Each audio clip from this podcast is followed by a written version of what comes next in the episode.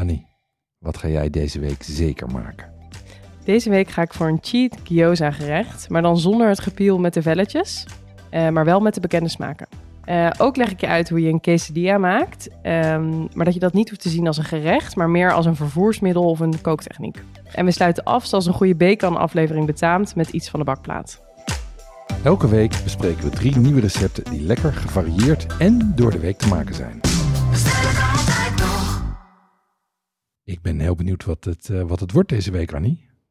Eh, we beginnen met een rijstbol met gyoza-vulling, daarna een quesadilla met tofu en als derde een traybake met venkel en vijgen. De rijstbol met gyoza-vulling. Ik denk dat dat de cheat gyoza is. Wat is dat voor gerecht? Ja, een uh, gyoza is natuurlijk een, uh, een Japanse dumpling. Uh, heel lekker vind ik dat.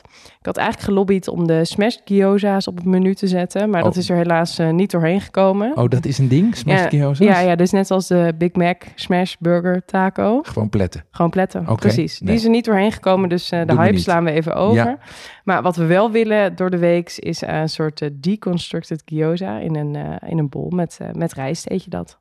Deconstructed gyoza. Dat klinkt als een, eh, als een, Ja. als een moeilijke chefstrend van vijf jaar geleden. En het is door de week. Ehm, maar, maar dan moet je toch even uitleggen, eigenlijk denk ik, eh, wat die gyoza is. Wat zijn dat dan? Ja, dat zijn, eh, zijn kleine Japanse dumplings. Ja, Ehm, en er zit vaak een vulling in van varkensvlees, kip, eh, vaak met dun gesneden kool, ui, allemaal smaakmakers. Je hebt ze ook in vega. Mhm. En als je ze ziet, als je een plaatje ziet herken je ze denk gelijk, want ze hebben echt van die hele mooie precieze foutjes, een soort Ja. half maandje met allemaal van die, nou, een paar van die naadjes zeg maar erop. Mhm.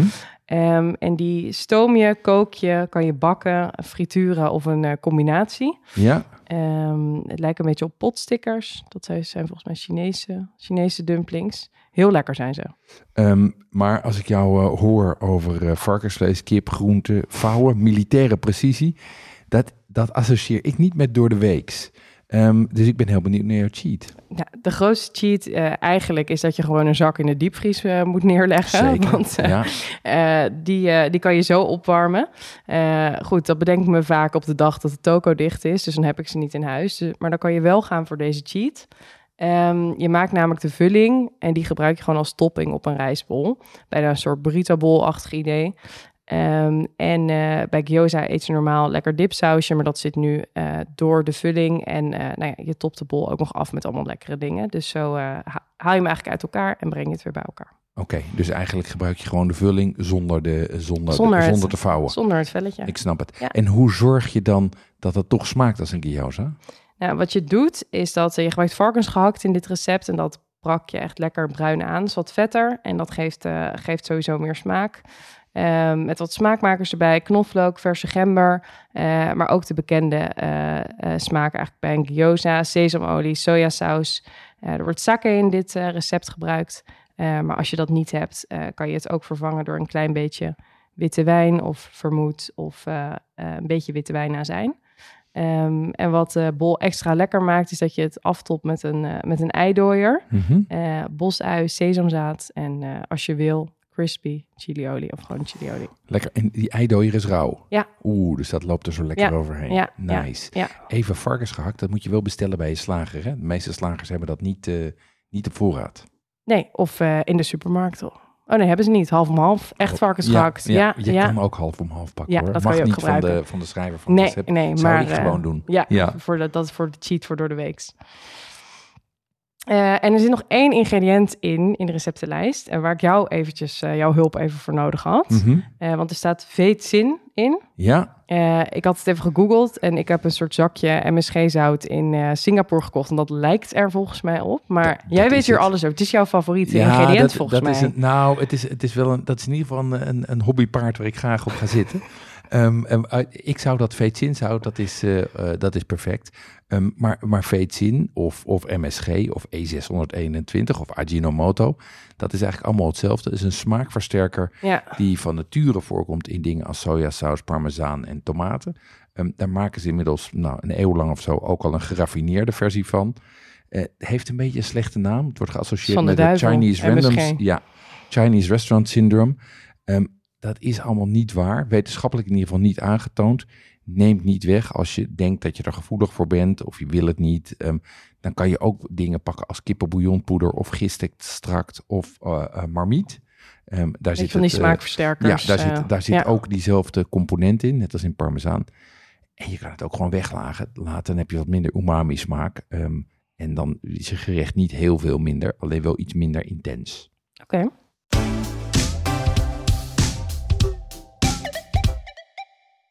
Op onze site hebben we ruim 400 recepten staan, maar voor meer dan 200 ingrediënten moet je toch echt even naar een speciaalzaak gaan of een toko. Ja, en vanaf nu kan je die dingen online vinden bij onze partner pimenton.be. Dat is de webshop voor foodies en hobbycooks. We hebben inmiddels al onze recepten gekoppeld aan een webshop. Bestellen gaat dus heel makkelijk. Het is alleen klikken op een link in de ingrediëntenlijst. Ja, en Pimenton zit in België, maar bezorgt in de hele Benelux voor 3,95. Ga naar pimenton.be om te bestellen. Ik zie hier op mijn lijstje staan een quesadilla met tofu. En ik hoorde jou praten over een Mexicaans vervoermiddel. Ik zie de link nog niet, maar dat ga je mij vast uitleggen. Dat ga ik je zeker uitleggen.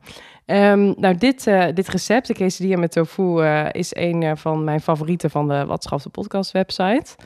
die maakte ik al toen ik slechts een luisteraar was. Ja. en dat zat volgens mij in het vegetarisch repertoire. Uh, kwam hadden jullie toen elke keer daar een recept van om dat uit te breiden. Ja, ik zit dus zelf niet heel erg in de tofu, maar ik uh, heb, uh, ga dat weer een beetje oppakken. Mm -hmm. um, uh, dus ik heb deze er weer bij gepakt. Toen mijn uh, huisgenootje vroeg wat ze in godsnaam moest koken, heb ik het linkje even doorgestuurd. Dat is dan zo makkelijk. Ja. En toen stond het s'avonds op tafel en nu dus in het menu. Was ze enthousiast, je huisgenoot? Ze was zeker enthousiast, nice. ja. Ja, ja. Ik zal zo, dat was een kleine beginnersfout, maar die zal ik zo nog even, even toelichten. Hoe maak je dit? Je maakt een vulling van verkruimelde tofu die je aanbakt. Uh, met, uh, met ui. Uh, en daarna voeg je er bonen, mais en geroosterde paprika's uit de pot aan toe. en dan maak je natuurlijk de quesadilla in de pan met een, een bloemtortilla met kaas, heel belangrijk. en in dit recept zit ook nog verse koriander. Ja, en, en een quesadilla, even om het goed uit te leggen, dat is feitelijk is dat die vulling tussen twee, tussen, tussen twee, twee taco's. Ja. En die plak je aan elkaar met kaas. Precies, ja. ja aan twee kanten kaas. Ja, ja, ja erg lekker. Ja. Um, en behoorlijk overzichtelijk. Um, maar waar, is dan, waar, waar zit het vervoermiddel in dit verhaal? Nou, ik denk dat het een dat je het dus niet alleen moet zien als deze quesadilla met tofu, maar gewoon het feit dat je met bloemtortilla's, kaas en iets van een vulling gewoon iets kan maken. Dus of dat nou gaat om uh, restjesverwerking, uh, of um, je, je, hebt geen inspiratie, maar er zijn wel nog wat andere dingen voorhanden. dat je altijd een quesadilla kan maken. Ja, met alles wat je in je Met alles wat je wil, ja. ja. De mogelijkheden zijn eindeloos. Nou, dat is natuurlijk een, dat, dat is een belofte waar, waar heel veel mensen wel gevoelig voor zijn. Om een soort van truc, in, truc te hebben waarmee je altijd restjes kan verwerken. Ja, ja. Neem ons even mee door, uh, door hoe je dat dan zou doen. Ja, dat, uh, dat zal ik doen. Even als disclaimer. Uh, dit is natuurlijk helemaal niet authentiek Mexicaans. Maar dat maakt eigenlijk helemaal niet uit. Want maar, het is wel heel lekker en ja. prima. Maar dat even van tevoren. En in, in Mexico gebruiken ze ook bijna geen bloemtortillas. Nee, daarom. Dus het, begint, dus. dus. het begint al verkeerd. Maar dat, dat gezegd hebbende begin je dus wel met een bloemtortilla. Met een wrap. met een wrap. Wrap it up. kan volkoren zijn. Kan ook een kleine... Als je kleintjes maakt. Die kleine maistaco's die ze ook bij de supermarkt verkopen zijn. Uh, wat ik daar ook handig van vind, uh, overgebleven tortilla gooi je gewoon in de vriezer. Ja. Plat, niet oprollen. Nee, dat kan niet. Nee, in een, Plat. In een, ik doe ze in Ziploc bags. Ja, en dan leg je dat gewoon in de vriezer en die haal je eruit. Uh, dus dat kan je ook makkelijk, makkelijk als restje tevoorschijn trekken. Ja. Dus dat is nummer één, de drager. Dan ga je over op stap 2, de vulling. Mm -hmm. In dit recept wordt tofu gebruikt, maar je kan ook kip gebruiken of helemaal vega of plakje steak of nou...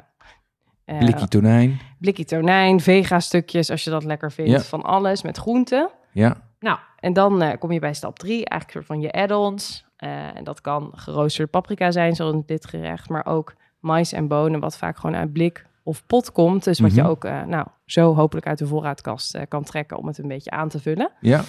Um, dan het belangrijke, uh, de lijm, ja. de kaas in dit geval.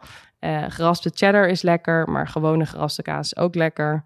Ik had nog een restje parmezaan, was ook prima. Dat is de trick. Het moet wel Eh, smelten, hè? Het moet wel Ja, smelten. ja, Ja, ja. ja. Ehm, eh, zodat het eh, goed aan elkaar geplakt blijft en je hem ook gewoon goed kan omdraaien om de andere kant te bakken, is dat eh, wel heel belangrijk. Eh, en wat ik wel heel lekker vind, is dat, eh, dat je dus verse koriander door die kaas heen Ja. doet en dat dat er helemaal, helemaal tussen zit.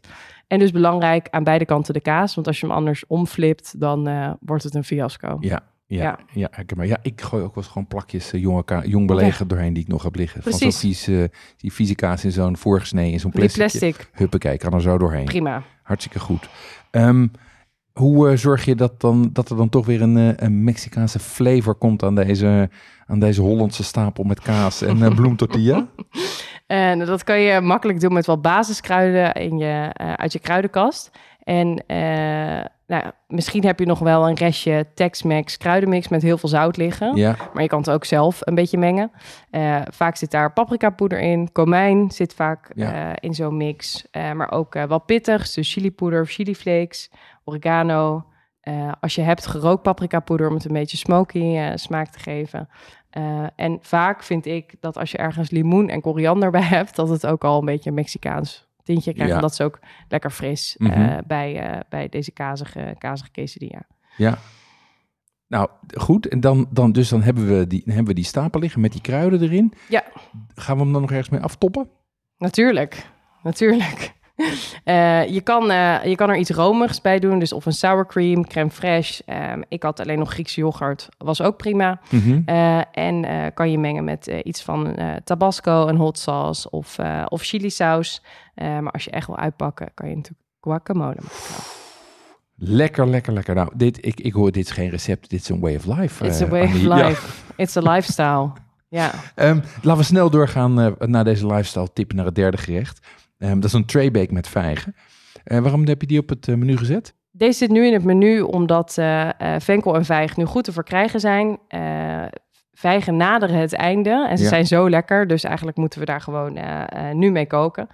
En ik vind ook het zoete van vijg in combinatie met een hartig gerecht vind ik echt top. Ja, dat geeft een lekker, geeft een lekker cont- contrast. Ehm, wat, voor, wat voor recept gebruik je hier? Ehm, dit is een recept van eh Rukmini, de bakplaatkoningin. Uh-huh. Ehm, en in dit recept maak je boegoer uit de oven ehm, met venkel, vijg, mozzarella en verse kruiden zoals eh dille. Allemaal uit één ovenschaal, dus makkelijk eh, in elkaar flansen, in de oven zetten. Die, die bulgur ook, die gaat ook in de ja, ovenschaal. ja, die gaat ook in de ovenschaal. Zij gooit ook, ik heb het ook met rijst ge- gehoord. Ja. Zij gooit echt alles in de oven, hè? Ja, maar het zit een beetje daarin in, eh, in, de, in de lagen die je maakt. Wat je, Uh-huh. Waar je vaak in haar recepten op een gegeven moment, als je de, er een paar hebt gelezen, zie je de trucjes ook wel. Dus hoe je bijvoorbeeld granen kan bereiden in zo'n Ja. ovenschaal. Eh, dat komt op de bodem en dat overgiet je met bouillon en daarop komt de rest. Dus dan heb je een soort van bodempje waar dat kan garen. En de toppings garen dan eh, daar, eh daar bovenop. Dus dat is in dit geval ook. Dus bulgur overgieten met bouillon en dan eh, de rest erop. Ja, slim. Het eh, vijgen zitten bij mij een beetje in de hoek met de avocado's en de mango's. Dat als je ze koopt, dat je toch altijd even moet kijken van ja, waar moet ik op letten dat ik de goede heb en niet teleurgesteld ben van of te rijp of te onrijp of Ja. wat dan ook. Wa- waar let ik op als ik een, eh, een vijg eh, uitzoek? Eh, je kan het vaak een beetje zien, eh, maar ook voelen. Als ze iets zachter beginnen te worden en iets meer, nou bijna een stukje indrogen lijkt het wel. Ja. Dat ze een beetje, een beetje beginnen te rimpelen. eh, dan zijn ze rijp. Ja, Maar het ligt volgens mij aan de, aan de oorspronkelijke kleur van de vijg. Ze worden of donkerder of iets geler. ja. in, in, afhankelijk van hoe ver, hoe ver ze rijpen. Mhm. Ehm, en het kan ook zijn dat ze een klein beetje openbarsten aan de onderkant. Ze zakken gewoon een soort van, soort van in. ja. Je kan er heel zachtjes in knijpen, maar we, ja, dat ziet er ook zo gek uit in de supermarkt als je alle vijgen gaat proberen. Ja, ik sta ook altijd alle avocado's Ja? te bepotelen. Dus ik, heb daar, ik, heb daar geen, eh, ik heb daar geen gêne mee. Maar, maar, ehm, maar koop jij ze dan helemaal rijp of laat je ze thuis eh, op, de, op de fruitschaal afrijpen? Ik laat ze op de fruitschaal vaak eh, rijpen, want Ja. mijn ervaring is bij de supermarkt dat ze nog niet helemaal rijp zijn. Nee. Ik heb ooit gelezen dat het helpt als je ze dan naast een banaan legt, Ja, dat het dat- dan sneller rijpt. Mhm. Maar ik las op het internet dat je ze ook kan invriezen. Rijpe vijgen. Ja, Ja. ik heb dat nog nooit gedaan. Ja, waarom niet? Ja, Ja. misschien ontdooit het een beetje gek, Ja, maar als je het ergens in verwerkt, eh, Als het op, ja, ja, als het dan... op iets eh, op een gerecht gaat, dan denk ik dat het prima gaat. Nou, dus dan is het de oproep, gooi je vriezer vol met vijgen nu het nog kan. ja. Ja. Ehm, hey, en, en dat andere, die andere, je had het net over vijgen en, en, eh, en venkel. Ja. Ehm, eh, hoe zit het daarmee? Venkel, ehm, eh, wacht even. Ehm, de Nederlandse venkel is van juni eh, tot oktober in het seizoen. Ja. Maar eigenlijk is het heel erg goed eh, verkrijgbaar, omdat het wordt geïmporteerd eh, vanuit Zuid-Europa. En waar je op moet letten als je een venkel koopt, is hoe verser die is, hoe meer smaak die heeft. Dus dat is echt de moeite waard om eventjes te graaien in de schappen. Ehm, en eh, verse venkel ziet er fris uit en niet zo, nou, een beetje ingedroogd kan het er ook wel uitzien. Mooi groen, stevige knol.